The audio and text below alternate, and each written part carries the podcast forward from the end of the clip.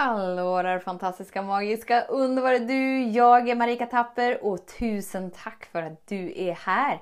Idag tänkte jag att vi skulle prata om orättvisorna kring att andra har bättre förutsättningar än vad vi själva har. Så häng med! Så den stora frågan är, hur lär vi oss att älska oss själva utan att vara egoistiska och självgoda? Det är frågan och denna podcast den kommer ge dig svaren på det och mycket mer. Mitt namn är Marika Tapper och varmt välkommen till Hemligheterna bakom att älska sig själv. Det fanns en tid då jag verkligen, verkligen, verkligen i varenda cell i hela min kropp ansåg att andra hade bättre förutsättningar än vad jag hade.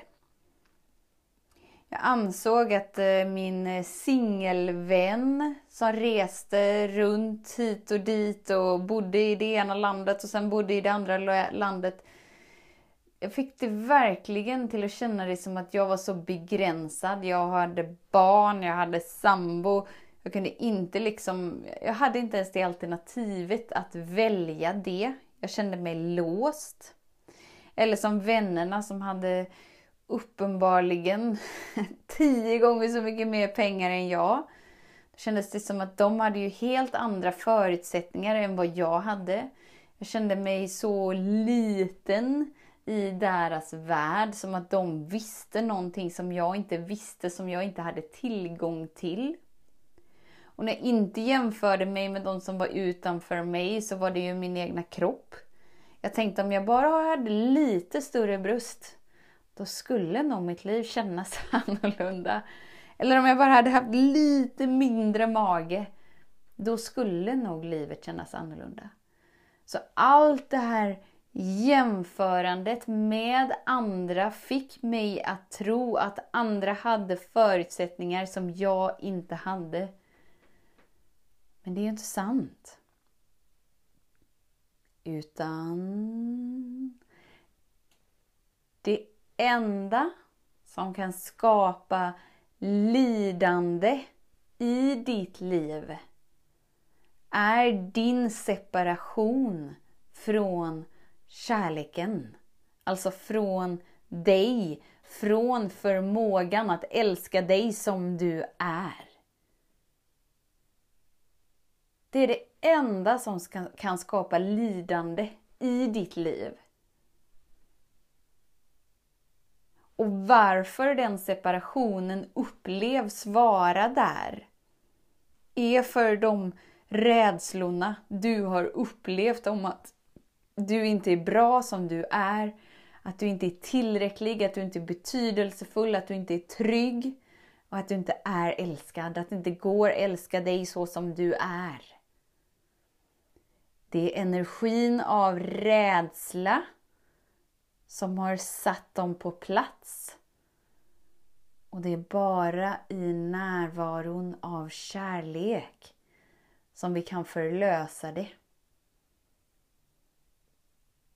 För är det någonting som Albert Einstein har lärt oss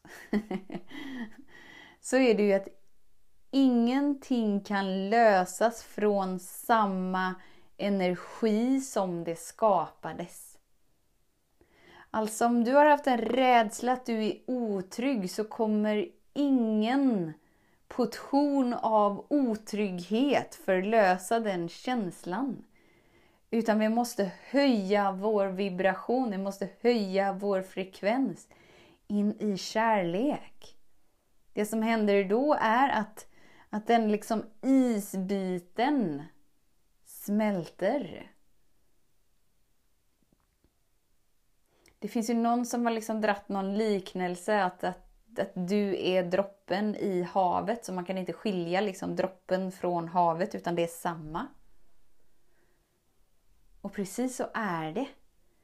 Men när vi har föreställningar och upplevelser och bevis inom oss att det är otryggt, att vi inte är bra, att vi inte är älskade, så har vi fryst vår vattendroppe till is.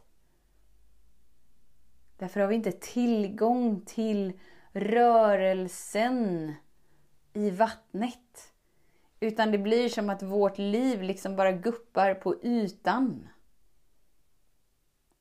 Inte för att du inte är ett med allt, utan bara för att du inte har förmågan att vara i samma frekvens.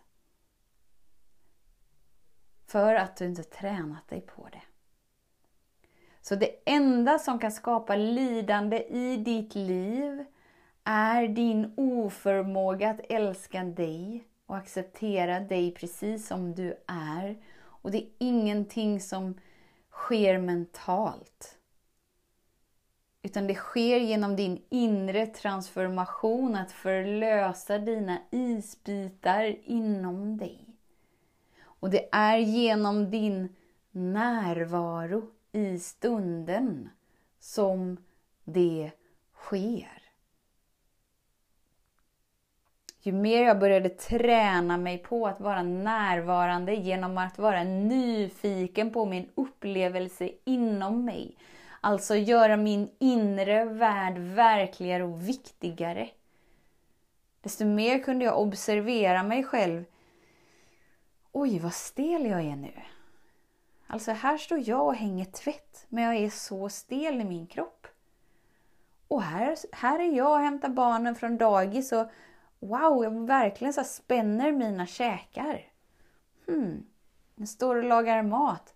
Oj, vad jag känner att jag skulle vilja att det här var över nu så att jag skulle kunna, kunna få en stund och bara sitta och bara vara.